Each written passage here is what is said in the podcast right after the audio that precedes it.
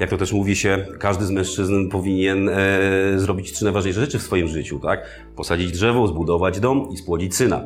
Także ja już tych drzew troszkę, troszkę posadziłem. Co ci goście robią w ogóle? Wprowadzają jakiś nowy gatunek do kraju, tak? Co z nim będzie? On nas zje, e, będzie wyjaławiał glebę. To jest przykład właśnie drewna, którym handluje Łukasz oraz Jacek. Drewna nie przybędzie. Nawet jeżeli posadzimy dzisiaj miliony drzew w Polsce, to i tak musimy poczekać 100 lat. A rynek potrzebuje, rynek konsumpcyjny, y, rynek odchodzący od plastiku, od wszystkich takich materiałów, y, które nie są biodegradowalne, potrzebuje produktów, które takie są. Jeżeli chcesz być na bieżąco z naszymi materiałami, zasubskrybuj kanał i kliknij dzwoneczek. Partnerem odcinka jest rocketjobs.pl, portal pracy przyszłości, gdzie znajdziesz nowych członków Twojego zespołu. Mercaton Asi, inwestycje z pozytywnym wpływem. SoFinanse, eksperci w dziedzinie finansów. IBCCS Tax, spółki zagraniczne, ochrona majątku, podatki międzynarodowe. Linki do partnerów znajdziecie w opisie filmu. Dzień dobry drodzy widzowie, Adrian Gorzycki, Przygody Przedsiębiorców. Witam Was w kolejnym odcinku naszego programu. Tym razem nadajemy z Krakowa, a naszym dzisiejszym gościem jest Łukasz Wilczewski. Dzień dobry. Dzień dobry, witam serdecznie. Słuchajcie, jeżeli wydaje Wam się, że macie różnego rodzaju trudności w biznesie, co jest oczywiście immanentną częścią życia każdego przedsiębiorcy, to zapraszam Was do wysłuchania tej historii, gdzie Łukasz wraz ze swoim wspólnikiem Jackiem musieli się zderzyć nie tylko z niektórymi przedstawicielami lasów państwowych, z naukowcami, ale jeszcze z niektórymi politykami, ponieważ kiedy wypowiem słowa drzewa tlenowe, to w waszej głowie być może od razu się włączy alarm, ale co, co, jakby przewin, drzewa tlenowe? Tak, drzewa tlenowe. Dzisiaj tematem przewodnim jest dość innowacyjny produkt. Zgadza się? Zgadza się, bardzo dobrze to ująłeś. No i teraz w telegraficznym skrócie, jak to się zaczęło, że zamiast prowadzić powiedzmy jakiś bardziej konwencjonalny biznes typu biuro rachunkowe, to robicie coś takiego? No, to bardzo dobre pytanie. Nigdy się nie spodziewałem, że w ogóle będę działał w tej branży, w branży ochrony środowiska, w branży redukcji dwutlenku węgla, w branży drzewnej, e, w branży związanej ogólnie z ochroną, ochroną przyrody, z sadzeniem drzew. Wszystko rozpoczęło się w 2015 roku, kiedy to po raz pierwszy usłyszałem o drzewach rosnących, o drzewach szybko, szybko rosnących. Pamiętam z biologii, jak mówiono nam, no, że drzewa rosną 100 lat, 80 lat, tak? Jest to jakby proces tak długi, e, że no, praktycznie nie dożyjemy od momentu posadzenia małego drzewka aż do jego wycięcia. Jak to też mówi się, każdy z mężczyzn powinien e, zrobić trzy najważniejsze rzeczy w swoim życiu, tak? Posadzić drzewo, zbudować dom i spłodzić syna. Także ja już tych drzew troszkę, troszkę posadziłem. E, I jak wspomniałem, no wszystko zaczęło się ładnych parę lat temu. A I trwa do dzisiaj, i trwać będzie. A drzew ile posadziliście dotychczas? Dotychczas posadziliśmy ponad kilkaset tysięcy drzew e, w całej Polsce. Aha. I, bo wy jesteś takim przykładem, który de, de facto implementuje to, co stworzyła nauka w biznesie. Tak, myślę, że to można tak dobrze ująć, ponieważ z założenia my łączymy wymierne korzyści finansowe z ochroną środowiska. Mhm. Połączyliśmy te dwa aspekty, mając na uwadze, że jeżeli możemy zrobić coś dla środowiska, możemy coś zrobić dla planety, a jednocześnie na tym zarobić, dlaczego nie połączyć tego? No, piękne połączenie. Dzięki, że jesteś z nami i oglądasz nasze filmy. Chcielibyśmy przekazać Ci krótką informację. Przygody przedsiębiorców to nie tylko wywiady. Na co dzień zajmujemy się przede wszystkim wideomarketingiem na YouTube. Jeśli chcesz, aby Twoja firma zaczęła generować lidy z platformy, która zrzesza ponad 20 milionów użytkowników w samej Polsce, to wejdź na przygody.tv i sprawdź, jak możesz z naszą pomocą skorzystać z potencjału YouTube'a, zanim zrobi to Twoja konkurencja. Ale o modelu biznesowym będziemy rozmawiali za chwilę, no bo tak jak powiedziałem we wstępie, przejdźmy od razu do tego, co e, zapowiedziałem właśnie. To zderzenie z tymi wszystkimi osobami, które twierdziły, że Wasz projekt jest czy ślepym zaułkiem, czy oszustwem, czy potencjalnie szkodliwym projektem a propos właśnie ekspansywności e, tego drzewa. Powiedz proszę krok po kroku, jak radziliście sobie z tymi wszystkimi zmaganiami. Jak wspomniałeś, no spotkaliśmy się z wieloma e, przeciwnościami losu, nazwijmy to bardzo delikatnie. Dzisiaj, o, wspominając o tym wszystkim, co nas spotkało, no już troszkę uśmiecham się z tego, natomiast wtedy to bolało też osobiście. Myślę, że nie jednego przedsiębiorcy w tym kraju, e, który rozpoczynał swój biznes taki startupowy od zera, bo miał pomysł, miał ideę i wprowadzał przede wszystkim coś nowego na rynek, e, zderzał się z rzeczywistością, zderzał się ze ścianą, zderzał się z hejtem przede wszystkim e, i to wszystko my my przeszliśmy na swojej ścieżce e, kariery, tak, na ścieżce rozwoju, rozwoju biznesu e, poprzez interpelacje poselskie, tak, gdzie, gdzie obiły się o Sejm. E, mówiono, co ci goście robią w ogóle, wprowadzają jakiś nowy gatunek do kraju, tak, co z nim będzie, on nas zje, będzie wyjaławiał glebę. Wielu, wielu naukowców, wielu, wiele osób z branży, powiedzmy, takiej naukowej, wypowiadało się bardzo też negatywnie, pomimo, że my dysponowaliśmy wszystkimi materiałami, dokumentami, badaniami naukowymi, ponieważ je dostarczył nam producent, bo my nie jesteśmy sami, sami producentem e, drzew tlenowych, e, to i tak mimo wszystko my musieliśmy przejść te wszystkie ścieżki, które producent już w latach 80., 90., czyli na przestrzeni kilkudziesięciu lat, zrobił, dopilnował, e, przeszedł przez, przez nie wszystkie, to my powtarzaliśmy, tak? Stąd nasza współpraca z różnymi jednostkami badawczymi, e, instytucjami naukowymi, po to, żeby udowodnić coś, co już wcześniej zostało udowodnione, ale mówiono nam, okej, no ale wy to zrobiliście za granicą, tak? To jest w Hiszpanii zbadane, a w Polsce może być inaczej. Okej, no dobra, no to robimy to wszystko od początku, badamy, e, tym bardziej, Chciało że... ci się? Pewnie, że tak. Bo jak, jak, jak usłyszałem o tym biznesie, jak zobaczyłem, jaki potencjał w tym drzemie, jak, em, jak to się może rozwijać w, w najbliższych latach i, i faktycznie e, już w tym roku i, i w 2021 widać, że ta branża nie tylko samego drewna, tak, które poszło e, o prawie 200% do góry, jeżeli chodzi o ostatnie, ostatnie, ostatni rok. E, I nie jest to tylko spowodowane zawi, zawirowaniami związanymi z COVID, ale po prostu tym brakiem e, samego drewna na rynku. Jedynym dostawcą są lasy państwowe i one nie są w Monopolista. stanie... Monopolista. Jeden monopolista, e, który, który dostarcza właśnie drewno do tartaków, tak? No, jest to e, praktycznie, jeżeli chodzi o, e, o sprzedaż i handel drewnem przez lasy państwowe, 2% polskiego PKB. Jesteśmy jednym z największych importerów e, mebli, jeżeli chodzi o Europę, tak? Czyli transport meble to jest praktycznie na równi i potrzebujemy Przerwę eksporterem chyba. eksport. Widzisz, uważnie słucham. Eksport, eksport, tak, tak, eksport drewna. E, bardzo się cieszę, że mnie kontrolujesz, tak, żeby wszystko było jasne.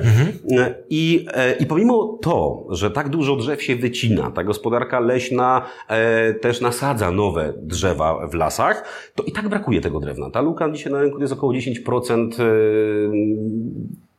I nie ma kim, ani czym tak naprawdę zastąpić. Mhm. No właśnie z tego powodu, o którym mówiłeś wcześniej, że takie nazwijmy to konwencjonalne drzewa rosną bardzo długo. Tak, no jest to 80-100 lat. Jeżeli mówimy o sośnie, jeżeli mówimy o, o, o, o- dębie, no to jest to okres 80-100 lat od momentu posadzenia do momentu wycięcia i później kolejny okres tyle samo trwa. W przypadku naszego drzewa jest to okres Którego to jest- to jest- sześcioletni. faktyczne, tak, tak, to to jest faktycznie wycięte, zaimpregnowane w tym wypadku. Tutaj możemy widać nawet po słojach, tak, jaki jest, jaki jest przyrost. Zobaczcie. To jest przykład właśnie drewna, którym handluje Łukasz oraz Jacek. Mówimy o tych pierwszych latach, o tych trudnościach w rozwoju swojej własnej idei, swojego biznesu, w którym, e, o który zapytałeś, czy mi się chce, czy mi się chciało. I pomimo, e, nie ukrywam, że były zawahania, tak? No to E, właśnie powiedz tutaj zawahania, no bo wiesz, były. teraz, Wiesz co, jak, teraz, jak słyszysz w teraz mówisz z pozycji przedsiębiorcy, Tak, tak. który zasadził kilkaset tysięcy drzew, tak? Jeździsz dobrym autem, widziałem, stoi przed biurem. Więc generalnie wszystko się zgadza, ale nie wierzę w to, że nie było takiego momentu, gdzie nie rozważałeś tego, a może to rzucić w cholerę. Może Polska nie jest gotowa. Było ich, było ich bardzo dużo. Ja, ja mówiąc szczerze, wiele razy miałem tak, że e, stwierdzałem, kurczę, może to nie jest jeszcze ten czas dla Polski, może to jeszcze nie jest ten moment na rozwój tego typu biznesu. Mm, Nie jesteśmy na tyle może świadomi jeszcze, e, żeby ten biznes na tyle rozwijać. E, tyle, tyle przeciwności losu e, i, i jakieś podkładania kłód pod nogi. Może daj sobie Łukasz spokój, e, mówisz biegle po hiszpańsku, mówisz biegle po angielsku, e, pół świata e, zwiedziłeś i znasz, pójdziesz do korporacyjnej roboty, Ładną pensję dostaniesz co miesiąc i po co się to martwisz? Natomiast jakby idea mm, i mm, traktowanie tego biznesu od samego początku jak swoje własne dziecko e, sprawiła, że człowiek przetrwał te naj, naj, najtrudniejsze momenty i faktycznie dalej szedł e, do przodu. Kiedy słyszał w telewizji negatywne wybie, wypowiedzi, kiedy, kiedy zderzał się z tym hejtem, takim również i w sieci, czytając komentarze, które naprawdę nie miały żadnego odzwierciedlenia w rzeczywistości, e, przeżywał takie małe końce świata swoje własne. E, I, i, I były takie momenty w biznesie. Może tutaj nie chciałbym konkretnie wchodzić w taki jeden, ale jest taki jeden, który mnie szczególnie do, do, dotknął. Mm, W ostatnim, to było chyba jakieś dwa lata temu. Jak go pokonałeś? Em, Wiesz co, pamiętam, że przeżyłem go osobiście bardzo. E, Byliśmy na takim etapie, gdzie no, musiałem stwierdzić, czy idziemy w lewo, czy idziemy w prawo z biznesem. Czy go dalej rozwijam, czy dalej e, inwestuję, wkładam swoje własne środki i finansowe, ale przede wszystkim też moje czasowe zaangażowanie, poświęcając wszystko inne myślę, co jest dookoła. E, I stwierdziłem, że mm, po tym jak nie wyszło, nie, nie, nie wyszedł ten temat, gdzie poczułem się oszukany, bo jeżeli ktoś mi podaje rękę, mówi prosto, prosto w oczy, tak, wchodzę, robimy, działamy, e, uwierz mi, ja jestem człowiekiem, e, człowiekiem honoru, bo za takiego też siebie uważam. Nie miałem powodów, żeby twierdzić, że tak nie jest, pomimo, że nie było nic sformalizowane na piśmie. Kiedy okazało się, że no, nie dojdzie do skutku, do skutku ten, ten projekt, ten biznes, który mieliśmy e, praktycznie już gotowy, gotowy na stole. Dlaczego nie doszło? E, wycofał się, wycofał się, wycofał się, powiedzmy inwestor, wycofał się kontrahent, z którym mieliśmy przeprowadzić pewne, pewne, pewien rozwój biznesu i wejść na taki już level up, tak? Czyli z, z takiego startupu, z takiej spółki e, powoli rozwijającej się e, do już takiego naprawdę, naprawdę fajnie funkcjonującego przedsiębiorstwa, które też może wyjść na rynki zagraniczne, bo to jest również naszym celem. Jakie pieniądze były na stole? E, mówiliśmy o kilku milionach złotych. Mówiliśmy o kilku milionach złotych, które miały odmienić e, no, sytuację praktycznie, praktycznie w firmie. Mm, nie doszło to do skutku. E, pamiętam, to spędzałem wtedy weekend z moim synkiem. E, było mi smutno. On przyszedł, przytulił się, powiedział, tata, będzie wszystko dobrze, chodźmy na lody. I poszliśmy na te lody i później przed poniedziałek, wtorek, kolejny dzień i Gra Jakoś, toczy się dalej. Gra toczy się dalej, tak? I, i, i faktycznie zaraz po tym wpadł jakiś, wpadł inny kontrakt, e, również na podobne, na podobne sumy e, i był jeszcze większym strzałem, tak? I, i, I on był w ogóle Nieoczekiwany, tak? Czyli spodziewajmy się nieoczekiwanego tak naprawdę, e, bo to jest takim naszym przykładem e, i podpisaliśmy dosłownie w kilka miesięcy bardzo duży kontrakt z bankiem BNP Paribas, e, który zlecił nam posadzenie ponad 50 tysięcy drzew, założył ogrody tlenowe, była bardzo duża kampania w telewizji, na billboardach. Pamiętam, znajomi to, to wysyłali mi... To, było bardzo Tak, ogrody tlenowe, tak, w telewizji były. To byliśmy były, my. To byliśmy my, to byliśmy my. To były reklamy do, mówiące o tym, jak, jak zmiany klimatyczne wpłyną na ceny warzyw, owoców, w ogóle, w ogóle tego, co to się dzieje dzisiaj e, i że na przykład kilogram pomidorów będzie kosztował 300 zł, bo, bo ich koszt wyprodukowania będzie tak wysoki. Brak dostępu do wody, brak dostępu do ziemi, brak dostępu do nawozów, bądź bardzo wysokie ceny e, i że to wszystko, e, jak, jak, jak, ta, jak te zmiany klimatu e, mogą faktycznie realnie wpłynąć na nasze życie codzienne. Nie tylko inflacja, ale te wszystkie e, aspekty związane właśnie z ochroną środowiska i zmianem klimatu. I to była taka bardzo duża kampania. Pamiętam, jak znajomi wysyłali zdjęcia, słuchaj, Łukasz, e, jestem na przystanku, patrz, a tutaj drży wasze drzewa. To jest tak? miłe. To jest, to jest mega miłe. To jest takie, taka nagroda za te Sześć lat, e, za te sześć lat naprawdę ciężkich bojów. Ja myślę, że jeszcze dużo bojów nas czeka. To nie jest tak, że my nie popełniliśmy żadnych błędów. Popełniliśmy mnóstwo błędów. Twój my sami. Albo najbardziej wstydliwy? E, ojejku, byłoby ich dość sporo. E, natomiast natomiast e, najbardziej wstydliwy jest taki, że nie tylko my je popełniliśmy, ale też zdarzyło się, że nasi klienci je popełnili. Tak? E, że ktoś e, założył plantację, bo naprawdę m, mm, chciał zainwestować w drzewa tlenowe, chciał, żeby one urosły i na przykład z zawinionych przez siebie przyczyn albo niezawinionych nie udało mu się coś, tak? Nie doprowadził, nie miał na tyle siły i wytrwałości, żeby doprowadzić ten e, projekt do końca, bo założenie plantacji drzew tlenowych nie jest, nie funkcjonuje tylko tak, że kupię sadzonkę, wsadzę ją do ziemi, zostawię, wracam za 7 czy za 6 lat, ścinam, sprzedaję drewno, super, zarobiłem. Nie, to jest uprawa, to jest traktowana jako uprawa, trzeba się tym zajmować co roku. Czyli jeżeli zajmuje się tym przedsiębiorca, który na co dzień prowadzi swoje własne biznesy, ale ma ziemię, bo kupił, bo tak w ten sposób zainwestował swoje środki, swój kapitał, e, odziedziczył, bo są też takie przypadki, to e, on szuka też takich alternatyw biznesowych, gdzie nie będzie musiał dużo robić, tak? No kupując nieruchomość, kupuje, ma 2% powiedzmy w skali roku i dziękuję.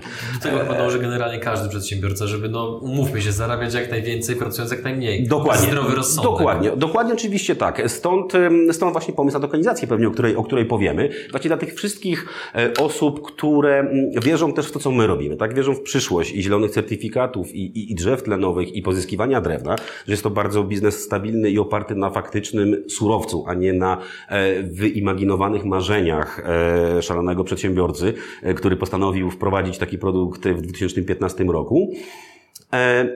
E, i to jest właśnie to wszystko, co tak yy, spaja się w jedną, w jedną, w jedną wielką, wielką, wielką całość i, i, i napędza nas do, do, do tego działania.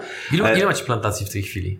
O, to jest kilkaset plantacji. Na, nasz Na terenie całej Polski. Na terenie całej Polski. Tak, biznesplan polega na tym, że my sami jako, jako spółka zakładamy plantacje, je prowadzimy, uprawiamy, ale też w większości przypadków jest to tak, że my em, kontraktujemy, sprzedajemy sadzonkę, podpisujemy umowę na jej zakup przez plantatora, dostarczamy know-how i nadzór nad jej uprawą oraz podpisujemy umowę na odbiór tego drewna w każdym cyklu, kiedy zostanie drzewo, e, drzewo wycięte, bo nie powiedzieliśmy tego, co jest też bardzo istotne w tym wszystkim.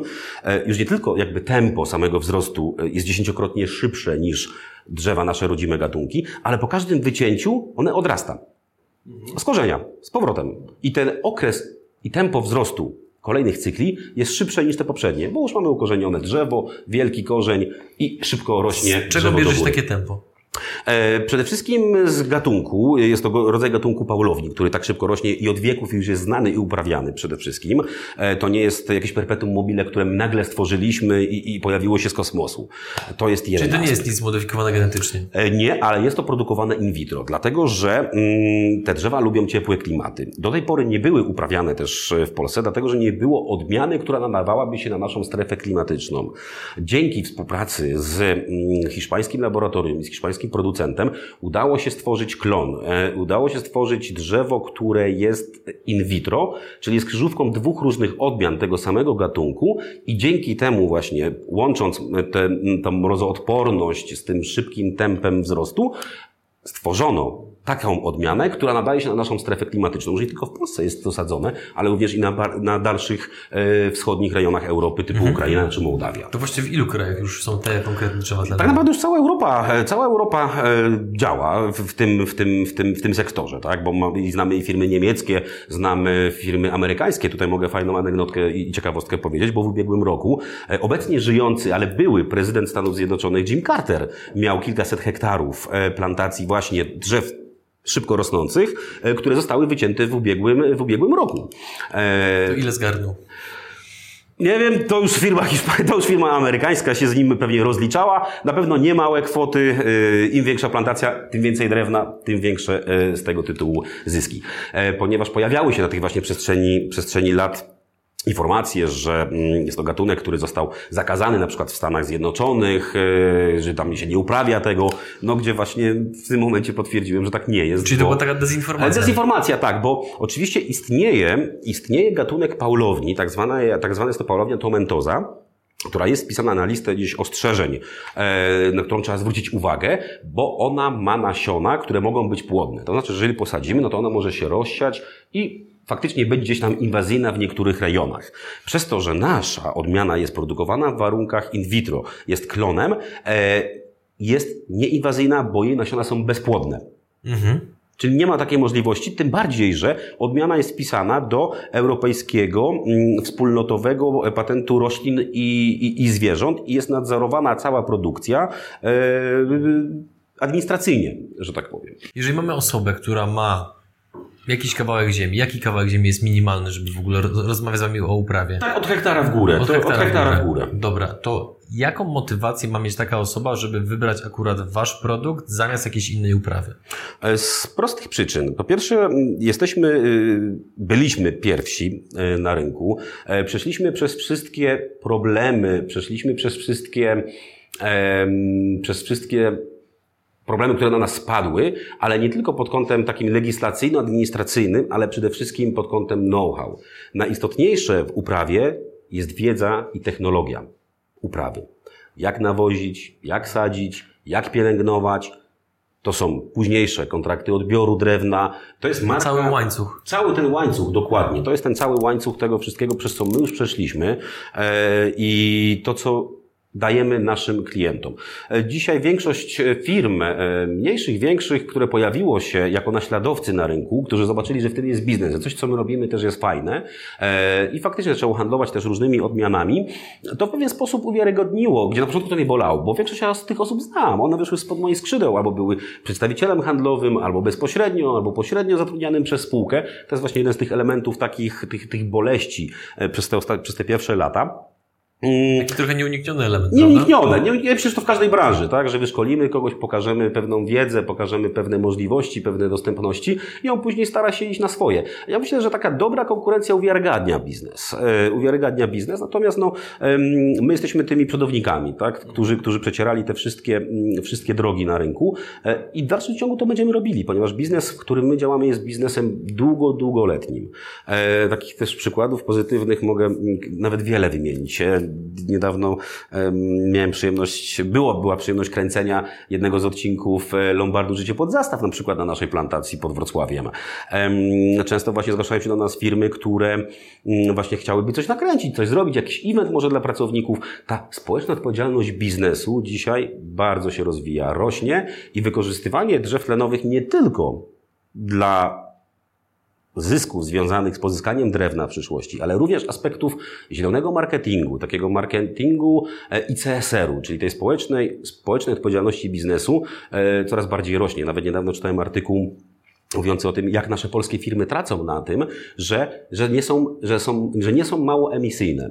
To znaczy, że nie chcą redukować swojego dwutlenku węgla, swojego śladu węglowego, po to, żeby pokazać się swoim partnerom, że dla nich oprócz wytwarzania swojego produktu bądź usługi, również istotny jest aspekt ochrony środowiska. Dzisiaj bardzo dużo się o tym mówi. Wystarczy otworzyć, e, kliknąć jakąkolwiek telewizję, czy to internetową, radio. Jak wszystkie firmy idą w stronę mm, zielonego marketingu. Jak pokazują swoim, swoim klientom, swoim odbiorcom, że one redukują swój ślad węglowy, że one obniżają emisyjność i to nie tylko na rynku e, regulowanym, tak? czyli rynku, który nakazuje nam kupować te głośne dzisiaj w telewizji, o, o których się mówi, zielone certyfikaty, że to Unia nam narzuciła i że teraz tak dużo prąd kosztuje przez te zielone certyfikaty.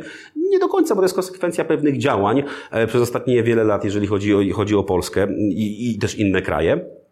E, ale tutaj mówimy o aspekcie dobrowolnym, tak? Czyli, że ja dobrowolnie prowadzę swój biznes i chcę być zeroemisyjny, chcę pokazać moim kontrahentom, bądź przyszłym kontrahentom, bądź moim klientom, że ja redukuję ten ślad węglowy, dzięki temu uwiarygadniam się w ich oczach, mogę pozyskiwać nowych klientów, mogę się rozwijać, bo to pomaga. Zakładam, że to będzie pewnie jeden z argumentów, y, dla których będziecie zachęcali do uczestnictwa w tokenizacji waszego tak, biznesu. Tak, oczywiście. Wracając jeszcze do, do, tego wcześniejszego pytania, zadam je jeszcze bardziej bezpośredni sposób, być może aż prostacki. Dlaczego Kowalski ma wybrać drzewa tlenowe, a nie na przykład uprawę ziemniaków? Dlaczego? Po pierwsze dlatego, że uprawa ziemniaków nigdy nie da mu takich zysków, jakie da mu uprawa drewna. E, dzisiaj drewno, tak jak powiedziałem już na początku, podrożało od ubiegłego roku do tego roku prawie o 150%. To są artykuły, które można przeczytać w, w sieci. E, drewna nie przybędzie. Nawet jeżeli posadzimy dzisiaj miliony drzew w Polsce, to i tak musimy poczekać 100 lat. A rynek potrzebuje, rynek konsumpcyjny, yes. rynek odchodzący od plastiku, od wszystkich takich materiałów, e, które nie są biodegradowalne, potrzebuje produktów, które takie są. Potrzebuje produktów, które pochłaniają duże ilości dwutlenku węgla, zostawiają je w drewnie, na przykład w naszym przypadku, i można je wykorzystywać. E, dzisiaj, jeżeli chodzi o uprawę tradycyjnych upraw, ziemniak, jak wspomniałeś, niech to będzie burak, niech to będzie pszenica, e, gdyby nie dotacje unijne tak naprawdę, to ta opłacalność z hektara byłaby albo na zerowym poziomie, albo nawet musiałby dzisiaj rolnik dołożyć do takiej uprawy, bo było to dla niego nieopłacalne. Mhm. Wzrost kosztów nawozów mm, i wszystkiego. Wasze uprawy są e, rentowne bez dotacji. Nasze, tak, dokładnie. Tutaj nie ma, tutaj nie ma nawet dotacji na zakładanie, na zakładanie naszych upraw. My przede wszystkim, mm, na, naszymi, naszymi klientami są również rolnicy, którzy uprawiając drzewa tlenowe, dywersyfikują swoje portfolio upraw. Bo dzisiaj rolnik już nie jest tylko rolnikiem, tak jak kiedyś nam sobie, jak sobie wyobrażaliśmy, ale jesteś przedsiębiorcą. Przede wszystkim młody rolnik też, który, mm, który przejmuje gospodarstwa rodzinne, czy, czy skupuje tereny wokół, on chce być y, innowacyjnym, y, maszynowo, park technologiczny, chce też przetwarzać samemu. Wiadomo, że dzisiaj oddając do skupu na przykład właśnie pszenicę, czy swoje produkty, tak jak to jest dzisiaj przy dzisiejszych strajkach agrounii, oddając, oddając jabłka po, po, po, po 60 groszy, no one w detalu idą po 3,60, tak? A te 60 groszy nawet nie pokrywa um, sadownikom kosztów wytworzenia tego produktu.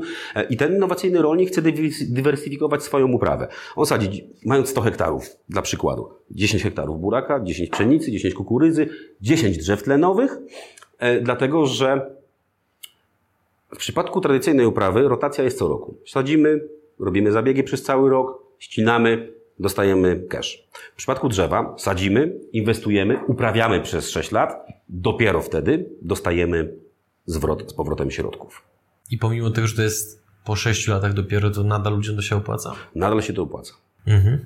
W liczby aż tak nie musimy wchodzić, bo uważam, że jeżeli ktoś jest zainteresowany, to może znaleźć więcej informacji na przykład na waszej stronie internetowej. Oczywiście. Więc wróćmy jeszcze do tematu zderzenia z politykami, no bo wielu przedsiębiorców oglądających ten program przeżyło kontrolę z Urzędu Skarbowego, z Państwowej Inspekcji Pracy i wszystkie te, te inne podobne atrakcje. Nawet łokik mieliśmy na głowie, także nawet mieliśmy No właśnie, no i teraz, badanie związane z łokikiem. i teraz wiesz, powiedz proszę, jak wyglądał moment, kiedy dowiedziałeś się, przeczytałeś, usłyszałeś, że jesteście na celowniku polityków.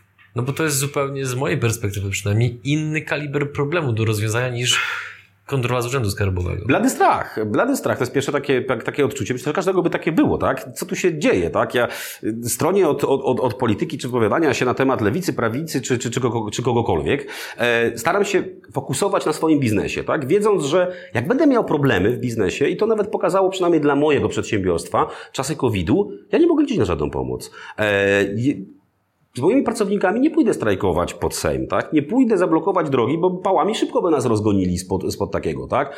Duże związki zawodowe, przedsiębiorstwa państwowe, oni mogą sobie na takie rzeczy pozwolić, tak? Ja, wiedząc, że mogę liczyć tylko na siebie i kiedy będzie źle, również tylko na siebie i na swoich współpracowników, na swój team, e, tylko tak możemy przetrwać. Em, Kiedy człowiek dowiaduje się, tak, o, o takiej kontroli, o, o takich informacjach, czy, czy, czy mm, jeszcze innych rzeczach, e, oczywiście boi się tego, tak? No bo e, boimy się tych rzeczy, na które nie mamy wpływu, tak? To jest najgorsze. I, I tutaj też dużego wpływu nie mieliśmy na to, jak potoczą się pewne, e, pewne badania, pewne, pewne oceny ryzyk, e, czy, czy No tego, co my robimy. E, robiąc dalej swoje. Po prostu nie poddając się, dostarczając te dokumenty, które musimy dostarczyć, uwiarygadniając swój biznes, który, który, który uwiarygadnialiśmy. I to było wystarczające. To Wiedzieliście, że racja jest po waszej stronie. Tak, bo wiedzieliśmy, że racja jest po naszej stronie, wiedzieliśmy, że mogliśmy popełnić jakieś błędy, no to musimy je skorygować, musimy je naprawić. Jeżeli należała nam się jakaś kara, to jest tak jak sam, jazda samochodem, tak? No jeździmy, jeżeli dostajemy, przekroczymy prędkość, dostajemy mandat, bo nas złapią, no to musimy ponieść tą karę i zapłacić. To jest tak samo jak w naszym przypadku. Prowadzimy biznes, popełnimy jakiś błąd, czegoś nie dopilnujemy, zrobimy, ponosimy z tego tytułu karę. Natomiast nie ponieśliśmy takich kar, które które mogłyby wpłynąć na dalszy sukces czy powodzenie biznesu, wierząc w to, co robimy. A musieliście jakąkolwiek karę zapłacić? Eee, Często to był czynny żal. Jeżeli chodzi na przykład o Urząd Skarbowy, to był jakiś czynny żal. Jeżeli chodzi o te, o, o, najważniejsze, jest- tak, to jest takie fajne, fajne, fajne A, podsumowanie czynnego żalu. Jeżeli chodzi nie o interpelację, tutaj to, to po prostu zostało to zinterpretowane. Mm, Pojawiła się, pojawiła się notka Rady Ochrony Przyrody. To jest taka instytucja e, w Polsce, która wypowiedziała się na początku naszej działalności dość negatywnie, natomiast mało precyzyjnie co do, co do drzew tlenowych, co do gatunku paulowni, tego co robimy. Myślę, że to też wynikało z takiego mm, pierwszego dużego impaktu, który my wnieśliśmy na rynek. Tak? Nagle y, ludzie zobaczyli y, drewno, tak? Nie było jeszcze plantacji w Polsce. Opieraliśmy się na jakichś plantacjach zagranicznych, które mogliśmy pokazywać inwestorom. E, To były takie pierwsze przeszkody, tak? które pokonywaliśmy w miarę upływu czasu, aż dochodząc do momentu dzisiejszego, czyli wycinki pierwszej plantacji w Polsce, co będzie na pewno bardzo dużym wydarzeniem dla nas i dla mnie osobiście, tak? Bo w ten sposób też uwiarygadniam e, biznes, mówiąc to, że faktycznie tak, od momentu, kiedy posadziłem 15-centymetrową sadzonkę, dzisiaj mam 15-metrowe drzewo po takim okresie. E, Wracając do tej Rady Ochrony Przyrody, jest to w sumie taka jedyna gdzieś tam krążąca w sieci notatka mówiąca o tym, że e, może być jakieś niebezpieczeństwo dla natury, dla środowiska związane z wprowadzeniem nowego gatunku e, na rynek polski, że coś może wyjść nie tak, że nie jest to zbadane, że nie jest to do końca potwierdzone, natomiast e, to wynikało właśnie z braku wiedzy mm, osób, które wystawiły tą notatkę, powiedzmy, czy tą informację na temat naszego produktu. I tu moje kolejne pytanie. Nie wiem, czy to nie odpowiesz mi wprost, bo mam wrażenie, że masz w sobie bardzo duże pokłady dyplomacji, co ogromnie szanuję, bo to jest e, cecha inteligentnych ludzi i kulturalnych, ale biorąc pod uwagę, że żyjemy w zglobalizowanym i w scyfryzowanym świecie, czy naprawdę polscy naukowcy czy polscy urzędnicy nie są w stanie od tak sprawdzić wyników badań, na przykład z Hiszpanii, żeby móc szybko podjąć decyzję, że ok, ten produkt jest bezpieczny, on nie zagraża w żaden sposób naszemu ekosystemowi, działajcie, tylko musicie robić cały ten chocholi taniec wokół tego, żeby przekonać e, polskich urzędników? Ja myślę, że to nie jest, odpowiedź wprost, ja myślę, że to nie jest problem, e, że to nie jest problem tylko i wyłącznie z urzędnikami, bo nie możemy też wszystkich pakować do jednego worka. To jest tak samo jak z różnymi interpretacjami prawa. E, czy to podatkowego, mm, w jednym urzędzie otrzymamy taką, taką interpelację dotyczącą podatków, w innym otrzymamy inną, w zależności na jakiego urzędnika trafimy, na kogoś, komu się będzie chciało, e, komu się nie będzie chciało. Mamy taką trochę naturę, taką naturę Polaków. My, tak, my Polacy tak mamy po prostu, tak? E, I to jest ta kwestia bardziej tego typu, że komuś mogło się nie chcieć, ktoś mógł nie dopytać, nie sprawdzić. Łatwiej było napisać coś negatywnego, podpisać się pod tym i dziękuję, bądź nawet nie podpisać się, a w międzyczasie wystawić jakiś, jakiś komentarz. Także e, to myślę, że wybawało, lepiej by było mm, wyjść z założenia, że coś, co jest nieznane, przynajmniej w Polsce, albo widziane było tylko w ogrodach botanicznych do tej pory, albo w książce e, Stefana Żeromskiego, w której opisana też jest Paulownia, e, i łatwiej było to znegować, a później martwić się o tym o, i, i sprawdzić, czy to jest faktycznie prawda, czy nie, aniżeli odwrotnie. Znaczy, tak może trochę wejdę w rolę adwokata diabła, ale kilka dni temu, kiedy robiliśmy naszą konferencję Święto Kapitalizmu, to akurat występował jeden z prelegentów, który mówił dużo o NFT. I on w pewnym momencie powiedział coś takiego, że wiecie co? regulacje są potrzebne. Niezależnie od tego, jak to obrazoburczo brzmi w uszach przedsiębiorców, to on właśnie argumentował, że regulacje są potrzebne, ponieważ jeżeli ich nie będzie, to jest szansa, że będzie tak dużo oszustw i skamów na rynku, że tak naprawdę to zaszkodzi całej branży. I właśnie on mówił i zachęcał do tego przedsiębiorców, bo było też dużo osób ze środowiska kryptowalut na naszej konferencji, że Rozmawiajcie z urzędnikami, dostarczajcie im potrzebne dokumenty, tłumaczcie im tą nową technologię, ponieważ tylko w ten sposób przyspieszymy pewne procesy, a kiedy będziemy zwyczajnie tylko i wyłącznie narzekać, że jest tak czy owak, że urzędnicy nie ogarniają, no to to się tak naprawdę nic nie zmieni. To jest taki troszeczkę case podobny do tego, co, czego de facto wy doświadczacie, że jeżeli to było nowością w Polsce, bo jak sam powiedziałeś, wy to wprowadzaliście jako pierwsi, no to musieliście przetrzeć ten szlak, po którym teraz też podążają inni. Więc jeszcze odniosę się do, e, do tych, tych aspektów związanych e, z tym, z tym hejtem, tak, też również po stronie urzędników. Oczywiście, i też jak powiedziałem, nie pakujemy wszystkich do jednego worka. Spotkaliśmy na swojej drodze i współpracujemy do dzisiaj ze świetnymi ludźmi. I to też z grona naukowców, z grona urzędników. Oczywiście, że tak.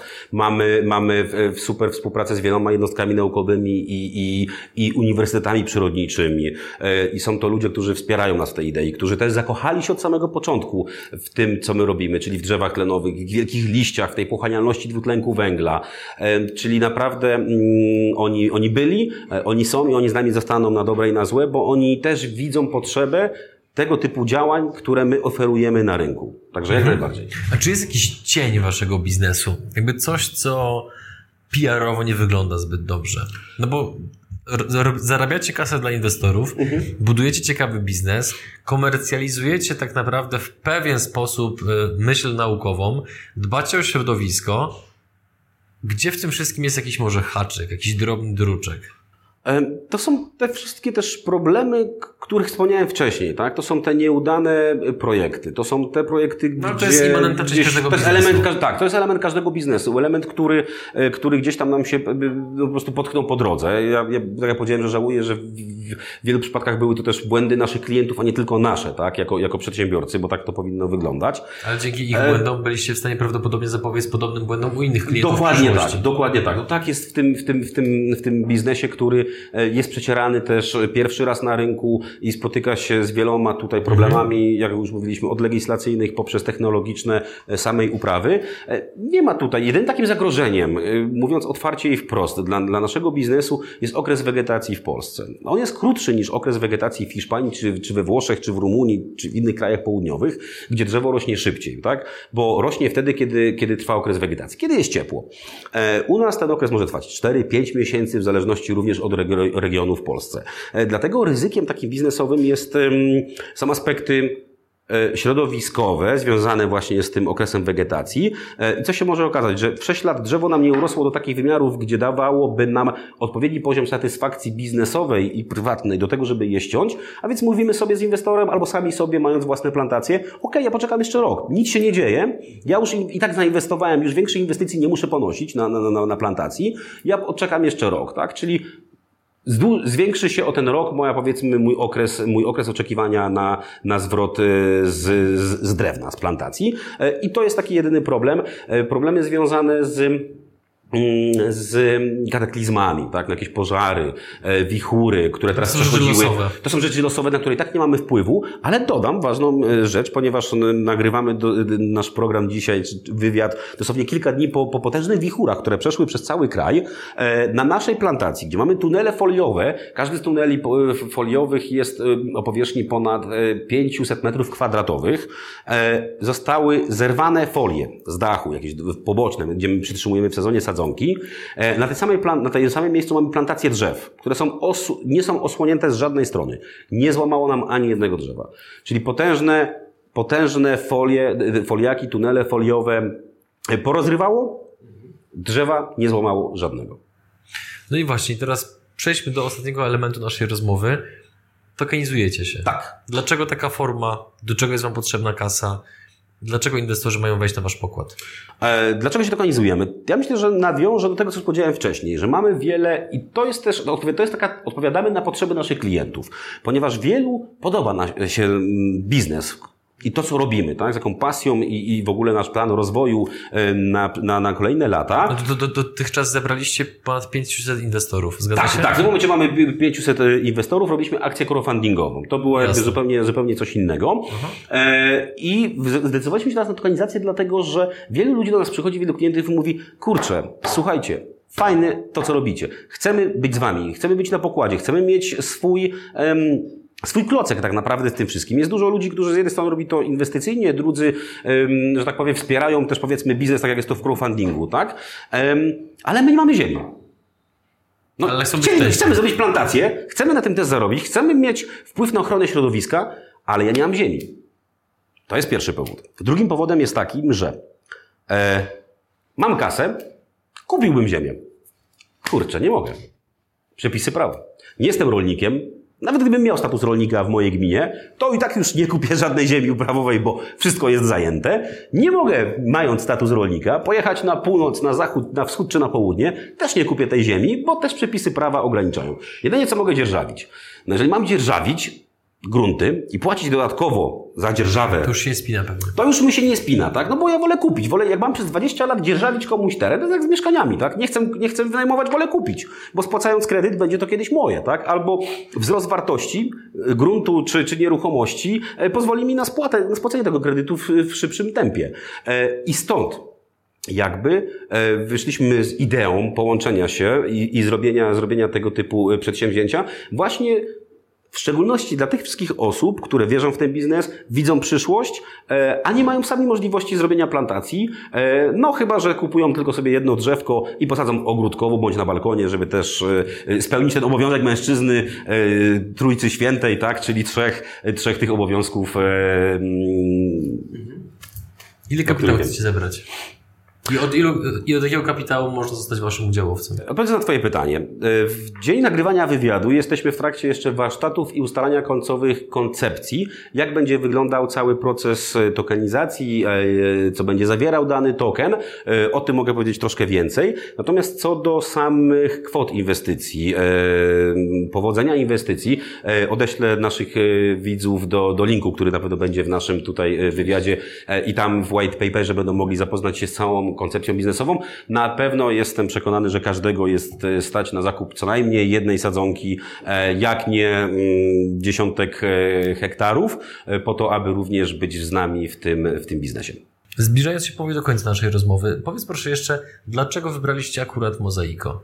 Dlaczego Mozaiko? Mozaiko dlatego, że jest to najbardziej wiarygodny i doświadczony partner na rynku polskim, który e, również zakochał się w tym, co my robimy, który również zobaczył w tym mega duży potencjał biznesowy e, i chęć zrobienia tokenizacji była taka sama ze strony Mozaiko, jak i z naszej strony. Dlatego dużo łatwiej nam się rozmawiało, dużo łatwiej nam się patrzy wspólnie w przyszłość, e, robiąc wspólnie biznes.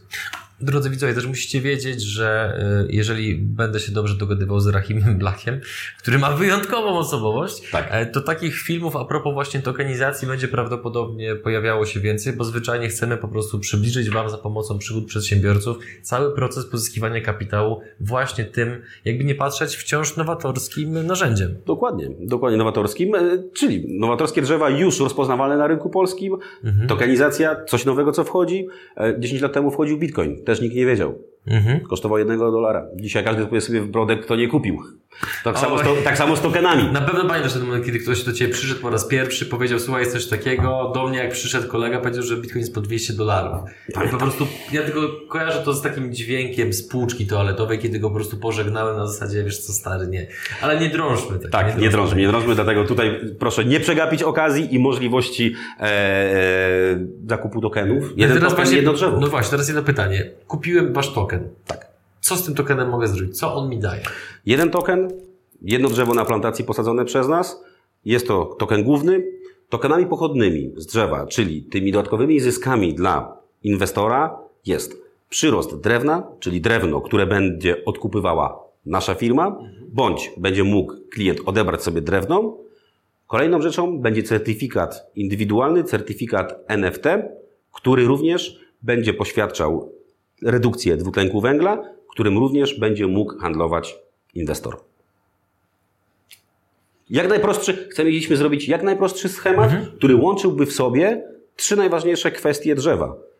To, że szybko rośnie, to, że pochłania duże ilości dwutlenku węgla, to, że da nam surowiec, którego dzisiaj tak bardzo brakuje na rynku. W ja krótkim się, czasie. ja się bardzo cieszę, że odpowiedziałeś krótko i precyzyjnie, ponieważ w przypadku tak e, nowatorskich e, generalnie e, rozwiązań istnieje często takie ryzyko, że jak ktoś zaczyna o tym opowiadać, to to trwa 30-40 minut, nim skończy. Po drodze pojawia się mniej więcej z 50 angielskich słów, które są tłumaczone innymi angielskimi słowami Tak. i potem koniec końców jest tego miszmasz, który roz- rozumie tylko autor. Więc cieszę się, że było krótko i w punkt. Zakończmy wywiad pewnym, pewną estymacją. Gdzie będziecie za rok od dzisiaj, czyli 23 lutego 2023 roku? Plus Po minus. pierwsze chcemy posadzić milion drzew w Przez ten najbliższych... rok. E, Przez ten rok może nam się nie udać, ale, ale taki jest nasz cel, żeby w, w najbliższych e, dwóch, trzech latach posadzić milion drzew w Polsce, zredukować bardzo duże ilości dwutlenku węgla, rozwijać się, wychodzić na rynki zagraniczne, na końcu giełda. Mhm. Łukaszu, dziękuję Ci bardzo za rozmowę. Dziękuję. Gratuluję lekkości wypowiedzi. Nie każdy to generalnie ma, więc albo jesteś e, naturalem, albo miałeś sporo do, doświadczeń w swoim życiu, które pozwoliły Ci mówić w taki sposób. E, Sam projekt bardzo ciekawy. Cieszę się, że, że zrobiliśmy ten materiał, ponieważ ja zawsze miałem słabość do ekologii na, na, na lekcjach przyrody. Pamiętam w gimnazjum, czy jeszcze nawet w podstawówce, kiedy dopiero się mówiło o odnawialnych źródłach energii, że one gdzieś tam na zachodzie powstają, to ja zawsze słuchałem bardzo, bardzo aktywnie, więc zrobienie tego materiału było dla mnie przyjemnością i mam nadzieję, że chociaż odrobinę pomoże to w tym, żeby nasze dzieci i wnuki nie musiały generalnie po nas sprzątać za bardzo. Dokładnie tak. Taki jest nasz cel również.